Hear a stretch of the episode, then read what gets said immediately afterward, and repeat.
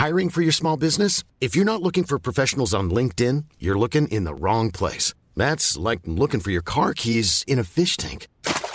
LinkedIn helps you hire professionals you can't find anywhere else, even those who aren't actively searching for a new job but might be open to the perfect role. In a given month, over 70% of LinkedIn users don't even visit other leading job sites. So start looking in the right place. With LinkedIn, you can hire professionals like a professional. Post your free job on linkedin.com slash people today. Mom deserves the best, and there's no better place to shop for Mother's Day than Whole Foods Market. They're your destination for unbeatable savings, from premium gifts to show-stopping flowers and irresistible desserts. Start by saving 33% with Prime on all body care and candles. Then get a 15-stem bunch of tulips for just $9.99 each with Prime. Round out Mom's menu with festive rosé, irresistible berry chantilly cake, and more special treats. Come celebrate Mother's Day at Whole Foods Market. Hey there, it's Michelle Norris. I'm host of a podcast called Your Mama's Kitchen. When I travel, I'm usually looking for a way to find a taste of home when I'm not at home. And one of the things I love to do when I am at home is entertain. And Airbnb allows me to do that. When I was in California recently, I rented a house that had a great kitchen. And when we were sitting around the table, we we're all thinking, we're in someone else's house. Someone could be in all of our homes as well. If you have a home, but you're not always at home, you have an Airbnb. Your home might be worth more than you think. Find out how much at airbnb.com slash host. Julen är i antåg och december är en månad präglad av gåvor och välgörenhet. Därför ägnas detta avsnitt helt åt ämnet givande. Välkommen till Smarta Cash med mig Isabella Amadi.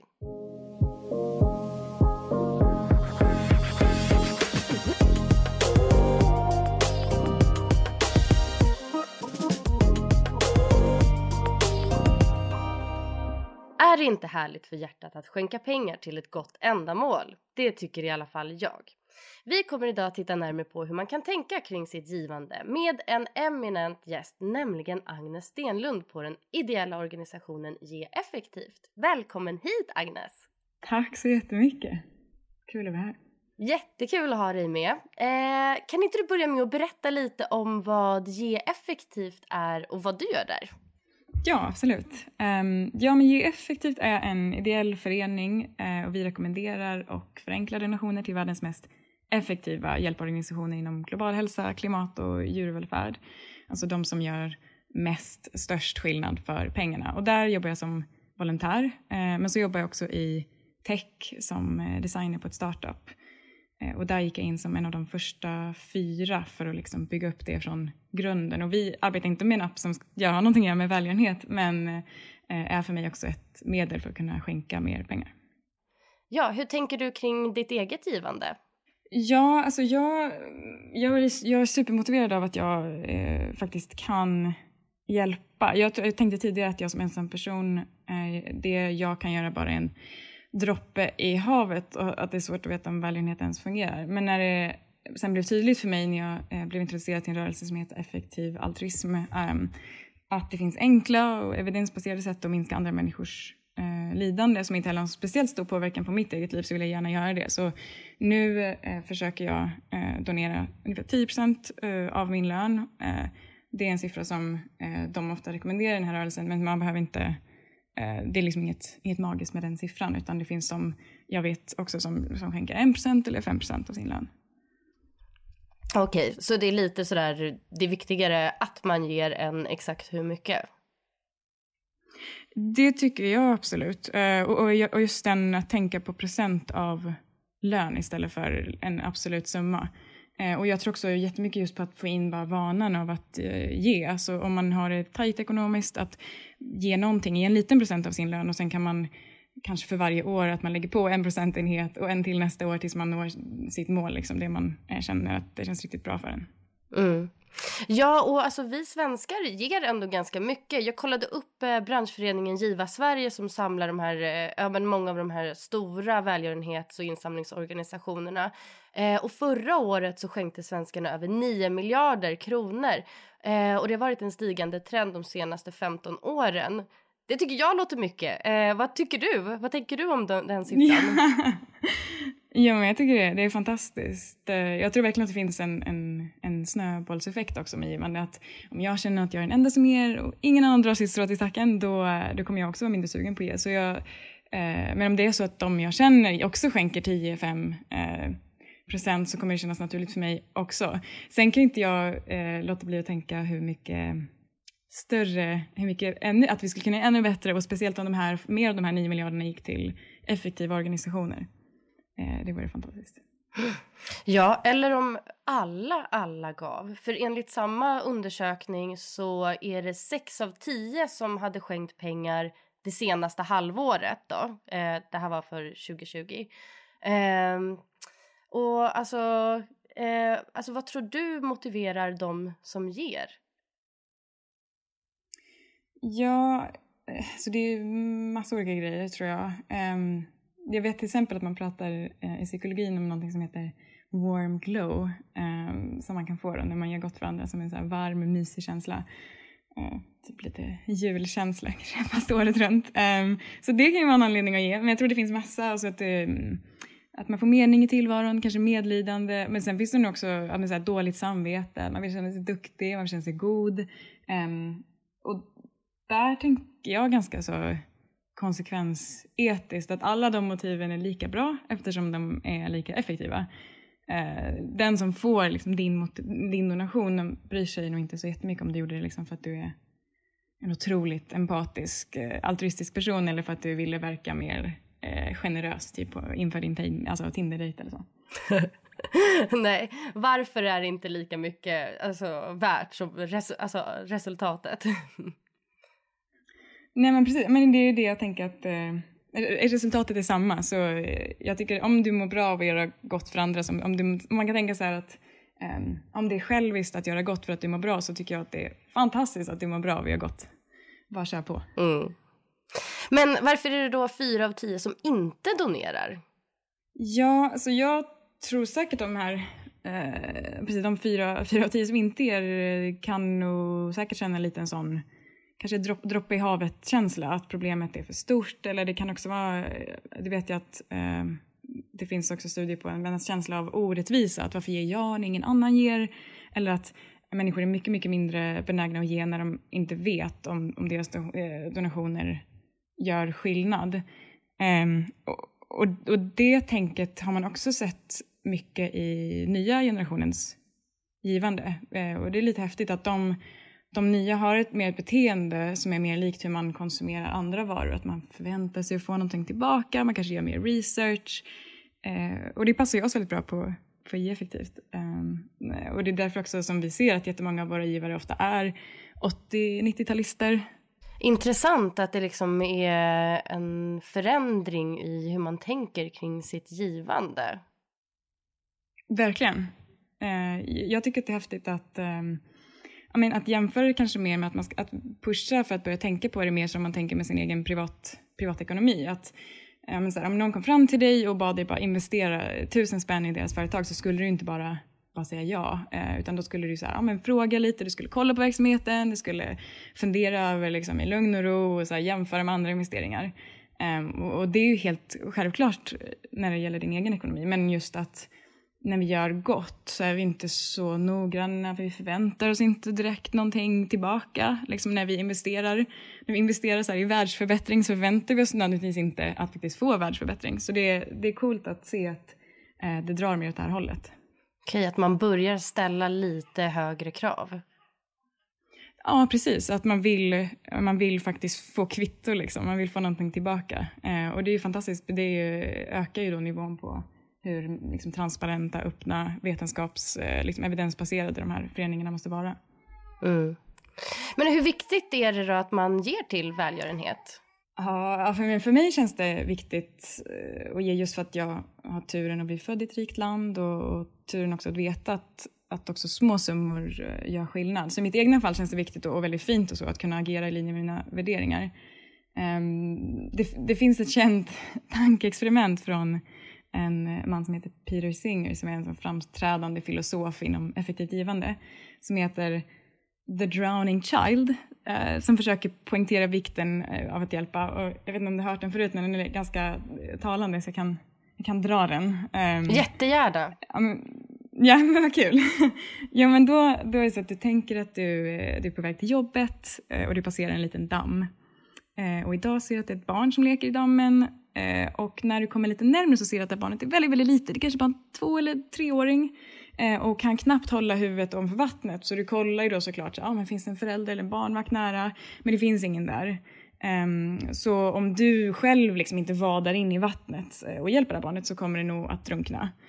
Uh, och för dig är det ju ganska enkelt, det är väldigt ofarligt att göra. Men du kommer att um, förstöra dina nya skor som du precis köpte bara för några dagar sedan. Uh, och då står du liksom inför valet och vad, vad, vad ska du göra? Um, det känns ju för sig som uh, ett väldigt lätt val, eller?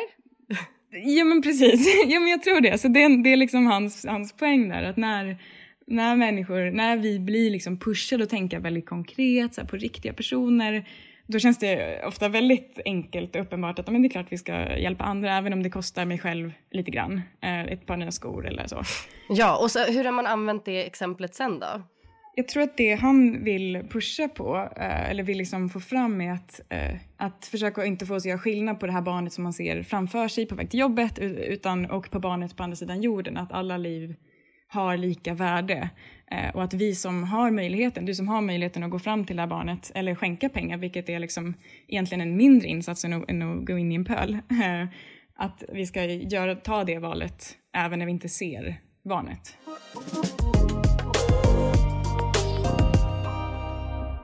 Nu ska vi prata mer om det här med effektivitet när det kommer till eh, givande och välgörenhet. Kan vi inte börja med det här stora liksom paraplybegreppet effektiv altruism. Vad innebär det?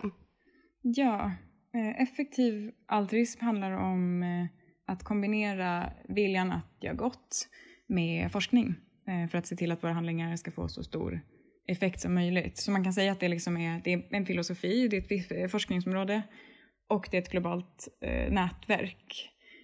men effektiv altruism handlar inte bara om om donationer utan målet är liksom att få ett mer rationellt tänkande i vad människor väljer att bry sig om eh, och inte gå lika mycket kanske på känsla eller vad som finns nära eller vad man ser.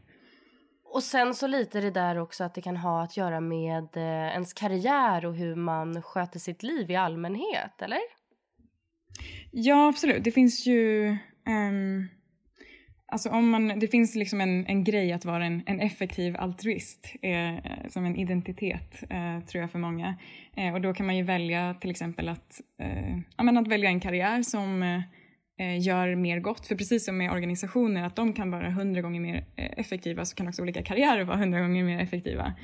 Um, så där finns det också olika resurser man kan titta på. Det finns något som heter 80 000 hours eh, som guidar eh, folk att välja Eh, karriärer som gör stor skillnad. Eh, men sen finns det också eh, många effektiva altruister som inte alls jobbar med de här frågorna och de här problemen utan istället så fokuserar de på att skaffa ett väldigt högavlönat jobb så att de kan donera mer pengar. Att de, liksom, när de donerar 10% av sin lön så är det mycket mer än om de hade jobbat kanske på en välgörenhetsorganisation och haft en lägre lön. Mm. Just det, två olika sätt att jobba för samma mål där. Men om man väljer ändå en, eh, en karriär som eh, ska vara enligt liksom effektiv altruistisk eh, tankesätt. Alltså vad för typ av jobb skulle det kunna vara? Ja, alltså när man väljer ett sånt jobb så då tittar man ofta på ehm, jag tror att det är tre olika grejer. Alltså att man först kikar man på vad finns det för problem i världen? Eh, alltså vad, vad är det för problem som är stor skala på eh, och kanske också förbisedda av andra. Och sen tittar man på vad skulle vara intressanta yrken då för att lösa det? Och då kan det till exempel vara forskning, är ganska eh, klassiskt, att forska på det här problemet och på lösningar.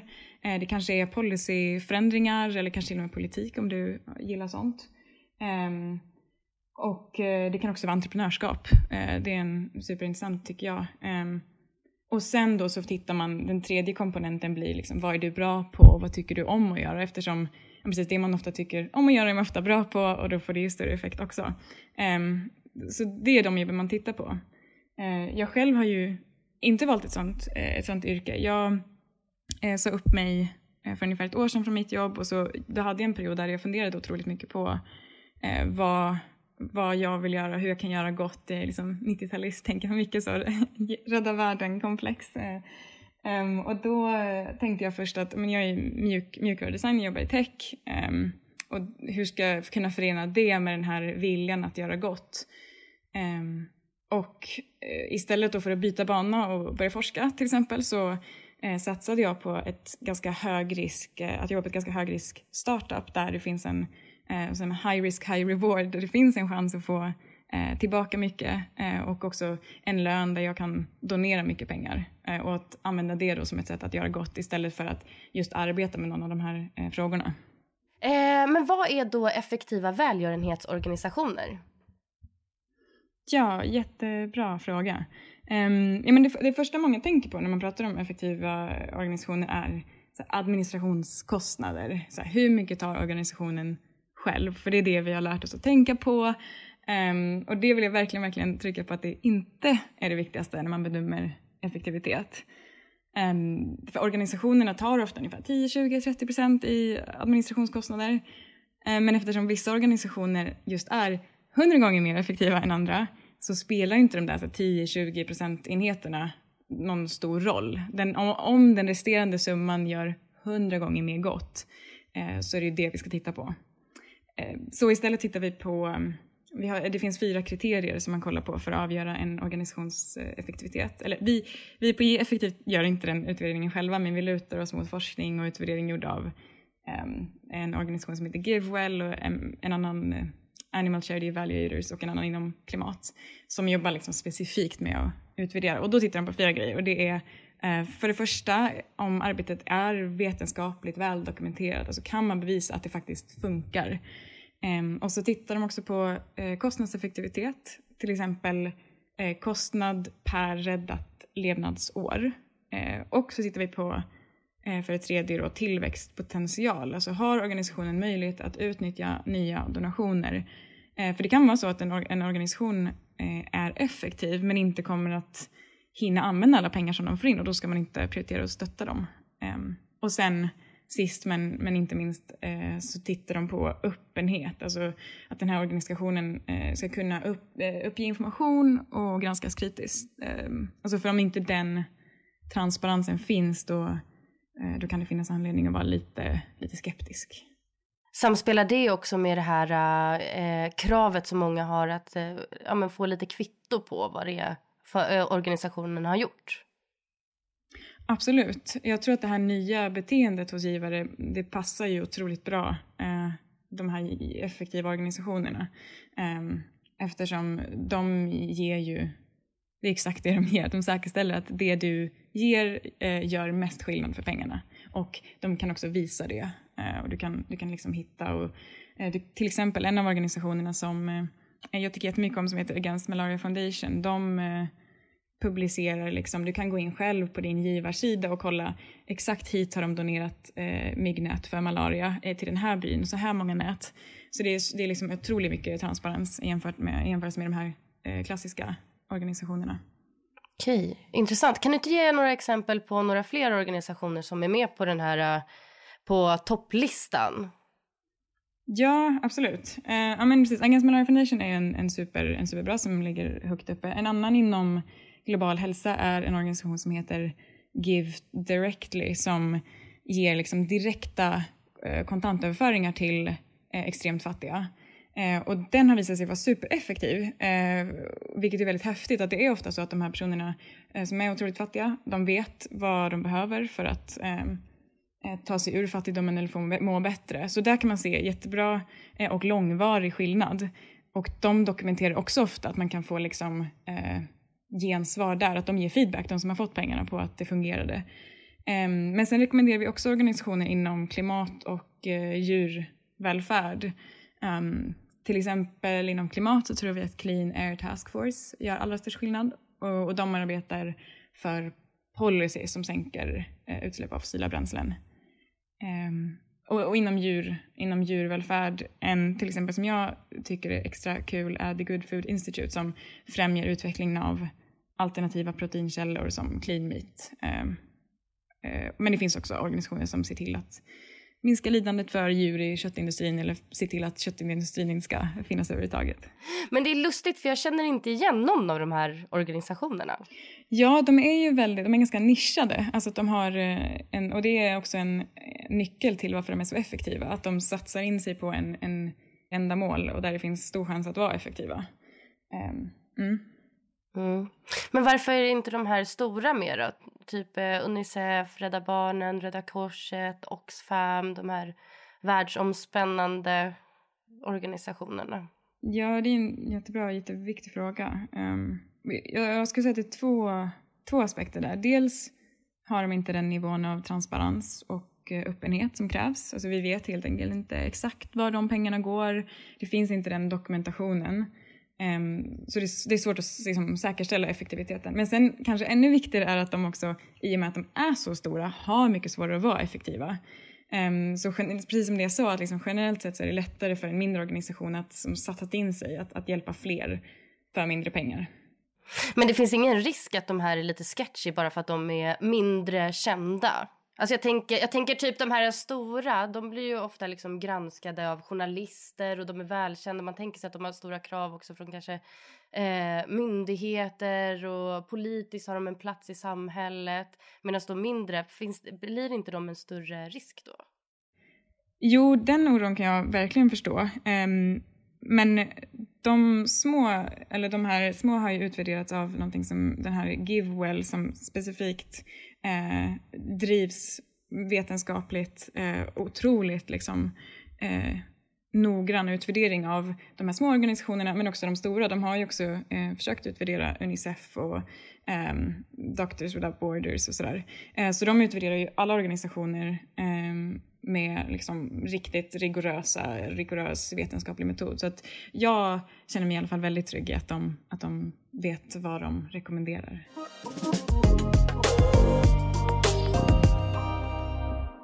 Har du något eh, typ räkneexempel på eh, hur många liv som räddas om man skänker eh, en viss summa varje månad?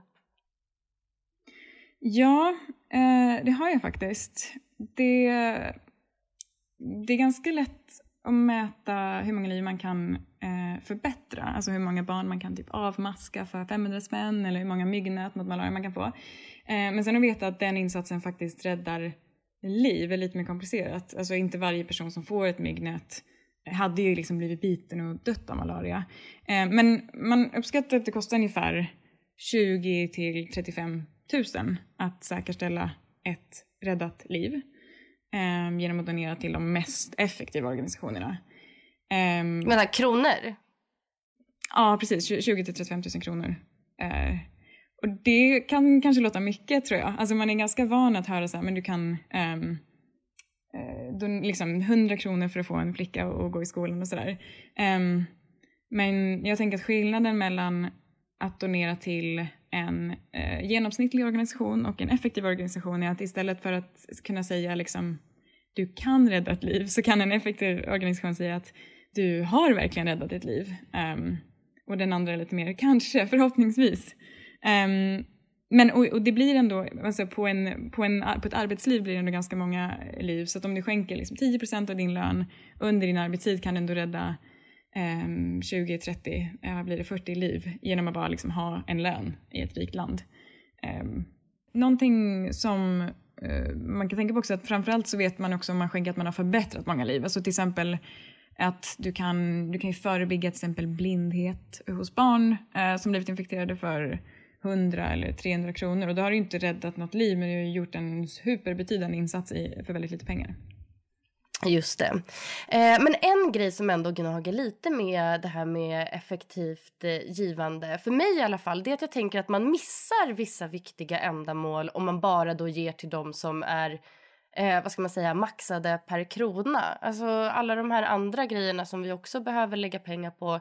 Jag vet inte, barncancer eller vad det kan vara som är ändå ganska vanligt här i Sverige att man ger till. Eh, vad tänker du om det? Ja, alltså det finns, jag tänker egentligen två grejer. Ena grejen är att Eh, de här rekommendationerna är ju för dig som privatperson, så här, hur vill du hur, liksom göra så stor skillnad som möjligt? Om man skulle ge rekommendationen till liksom Sverige, så här, hur mycket bistånd ska vi ge eller hur ska vi, både, vi fördela vår skatt? Då skulle ju svaret vara lite annorlunda. Um, men sen tänker jag också på att um, ja, men varje, gång, varje gång som vi väljer någonting så väljer vi också bort något annat. Um, och ett exempel som verkligen fastnar för mig, eh, som också kommer från den här Peter Singer, är att eh, men du kan skänka pengar till en organisation som erbjuder en ledarhund till en blind person, det var hans exempel. Och det är ju en superbra sak att göra. Um, det låter ju som en jättebra organisation att donera pengar till. Um, men innan vi donerar så behöver vi också tänka på vad mer skulle vi kunna göra för samma pengar. Uh, för det kostar ungefär 400 000 eh, kronor uppskattar han för att lära upp en sån här hund. Eh, och det kostar ju precis som jag sa där, så 100 till 300 kronor att eh, bota en blind person i ett fattigt land som fått en infektion som kan, som kan orsaka permanent blindhet. Så det betyder ju liksom att för samma pengar som man kan välja en ledarhund åt en person, eh, i USA då i det här fallet, eh, eller att bota mellan 400 och 2000 människor från att bli blinda överhuvudtaget, då ja, men det känns som ett ganska lätt val för mig i alla fall. Mm. Men det är svårt det där, man sätter liksom lidande mot lidande. För båda, båda borde ju få den hjälp som går att få. Absolut. Eh, och, ja men precis, och det, det man får tänka på där, eller det jag försöker tänka på där är just här, hur många, alltså vill man prioritera att hjälpa färre eller vill man hjälpa fler? Eh, och, och, där, och just om man då har den, försöker i alla fall, även om det är svårt, eh, eftersom man fortfarande, jag, alltså vi bara människor, vi tittar gärna till liksom vad, vad ligger nära oss själva. Har jag någon förälder kanske som är sjuk i, i någon sjukdom så kanske jag gärna donerar till det. Men om man tänker, försöker tänka att eh, liv har samma värde och ju fler liv jag kan rädda eh, desto bättre och att det liksom är på något vis den enda måttstocken. Antal liv, inte var i världen du finns. Mm. Oh, kan vi prata lite om... Det kändes tungt det här på något sätt. Alltså, det är positivt men det är också ett tungt ämne eftersom det bottnar ju i eh, människans liksom, misär ofta. Absolut, ja det går. Ja. Eh, men låt oss prata lite om den privatekonomiska biten av givandet. Alltså hur stor del av ens budget kan man avsätta till donationer eller hur kan man tänka där skulle jag vilja fråga dig om. Du pratade lite om den här 10% regeln men eh, vill du utveckla lite? Ja precis, ja det är ju ja, egentligen inte riktigt en, en regel, det är som en rekommendation som de ger just för att det är så här, tillräckligt lågt för att vara görbart för de som har tillgångar men också högt för att kännas meningsfullt. Men om, men om du bryr dig Eh, om att hjälpa andra men inte liksom vill ge mer än snittet eh, så vet jag att de har rekommenderat istället ja, men så här, vad en genomsnittlig person skänker. Det är förstås skillnad beroende på så här, lön och, land men för de flesta så ligger det runt 2 till 6 procent eh, av deras inkomst. Ehm, så om man där kan tänka procent istället för hundralappar så har man kommit eh, jättelångt. Eh, och det jag skulle göra ehm, är att men, försöka sätta mig ner, precis som om det hade att göra med ens, liksom, ens andra budgetplanering eller privatekonomi, att man tittar så här, men hur, vad känns rätt, eh, vad, vad vill jag, vad vill jag ge nu, vad vill jag ge sen, har jag ett mål kanske med mitt givande? Eh, och så sätter man sig ner och liksom sätter upp ett autogiro och tar det beslutet en gång istället för att varje gång som någon liksom kommer fram till en på stan måste ta det beslutet. Eh, utan att du vet att det här har jag tänkt igenom och det, eh, det här känns rätt för mig. Mm. Just det, så blir det en naturlig del av ens eh, månadsbudget. Precis, precis. Mm. Ja, simple, simple as that. Men eh, man kan ju få tillbaka lite på skatten också. Hur funkar det med det där? Ja, exakt. Um, vi, om du donerar till Against Malaria Foundation eh, så kan du få tillbaka 1500 kronor på eh, skatten. Eh, och då måste du skänka Eh, 6 000 kronor för att få tillbaka så mycket. Eller för att om du vill skänka 1500 kronor mer kan du göra det också. Um, och det enda kravet är att vid varje donationstillfälle så måste det vara eh, 200 kronor. Uh, så du, du kan du liksom donera allt på samma gång eller ha ett månadsgivande. Så, och de kan du skänka till genom Ge effektivt. Okej. Okay. Men är det så med eh, andra organisationer också att man får tillbaka pengar om man skänker mer än 6 000 på ett år? Inga av de här rekommenderade eh, organisationerna förutom Against Malaria Foundation just nu, men det är någonting som eh, jag försöker, vi försöker få hända väldigt snart. Men om man ger till eh, ja, men de jag säger, vanliga organisationerna, gäller skattelättnaden då också? Ja, det gör den. Så om du, precis om du skänker till eh, Röda Korset eller Unicef tror jag att de har skattereduktion också. All right. Eh, men hur ska man tänka då med sin egen ekonomi? Alltså man kanske har väldigt ont om pengar själv eller i alla fall känner att jo men det här går ju bara på ett ut. Det är, liksom, det är noll kronor kvar i slutet av månaden och man sparar inte särskilt mycket ens själv. Eh, men man vill ändå göra någonting gott. Eh, vad kan man göra då? Ja, alltså jag skulle nog fortfarande satsa på att göra en insats eh, med pengar istället för med till exempel tid. Att det fortfarande är det mest effektiva. Men man kan skänka väldigt, väldigt liten procentdel av sin lön. Eller eh, på något vis blir det ju extra, extra eh, viktigt att skänka till en effektiv organisation eftersom den kan göra hundra gånger större skillnad så kan du liksom få lika mycket livsförbättring på 100 kronor till en effektiv organisation som du kan få för 10 000 kronor eh, till en annan. Ehm, så det tror jag på som en, bra start, att, eh, att veta att det man gör ändå gör skillnad även om det inte är jättestora mängder. Ja. Låt oss avsluta med dina bästa råd för den som vill engagera sig mer för välgörenhet. Shoot! Ja, eh, ja nej men jag skulle gå in på geeffektivt.se eller effektivaldruism.org Eh, och där finns det, om man liksom tycker att hela ämnet är spännande så finns det massa tips om olika podcasts och böcker, TED-talks på det här ämnet. Eh, och sen kan man också gå med i en eh, effektiv altruismförening i Sverige som man kan engagera sig i. Um, men ja, jag tror verkligen på det här att, att uh, ta sig lite tid och sätta sig ner och göra ett rationellt beslut en gång och så kan man vila i det sen resten av året. Så det är jätteskönt för en person som som har lite beslutsångest att, uh, att, att göra det once and for all. Um, och sen tycker jag också en annan grej att uh, man ska passa på att berätta för andra att man skänker. Jag tror verkligen att uh, välgörenhet är smittsamt. Så jag skulle försöka liksom stänga av lite jante och bara ropa ut i hela världen att man skänker effektivt. Oh, ja, okej. Okay. Då, då ser vi väl båda till att skänka någonting idag och posta det på våra sociala medier. Ja, exakt. exakt. Agnes, tack så jätte, jättemycket för att du eh, var med och förklarade allting om effektivt givande. Tack så jättemycket Isabella. Det var superkul. Eh, om man vill veta mer om detta eller eh, om dig, var, var finner man mer info? Ja, jag tycker att det är effektivt är mycket mer intressant än mig själv så jag skulle, jag skulle rekommendera att man går till geeffektivt.se eh, och där kan man komma i kontakt med oss också. Grymt.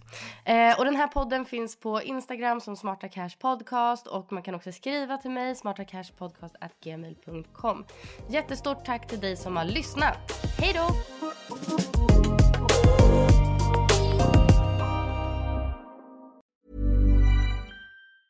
Mom deserves the best and there's no better place to shop for Mother's Day than Whole Foods Market. They're your destination for unbeatable savings, from premium gifts to show-stopping flowers and irresistible desserts. Start by saving 33% with Prime on all body care and candles. Then get a 15-stem bunch of tulips for just $9.99 each with Prime. Round out Mom's menu with festive rosé, irresistible berry chantilly cake, and more special treats. Come celebrate Mother's Day at Whole Foods Market. Planning for your next trip?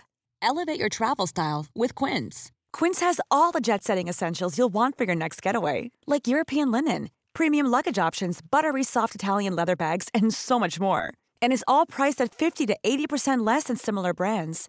Plus, Quince only works with factories that use safe and ethical manufacturing practices. Pack your bags with high-quality essentials you'll be wearing for vacations to come with Quince. Go to quince.com/pack for free shipping and 365-day returns.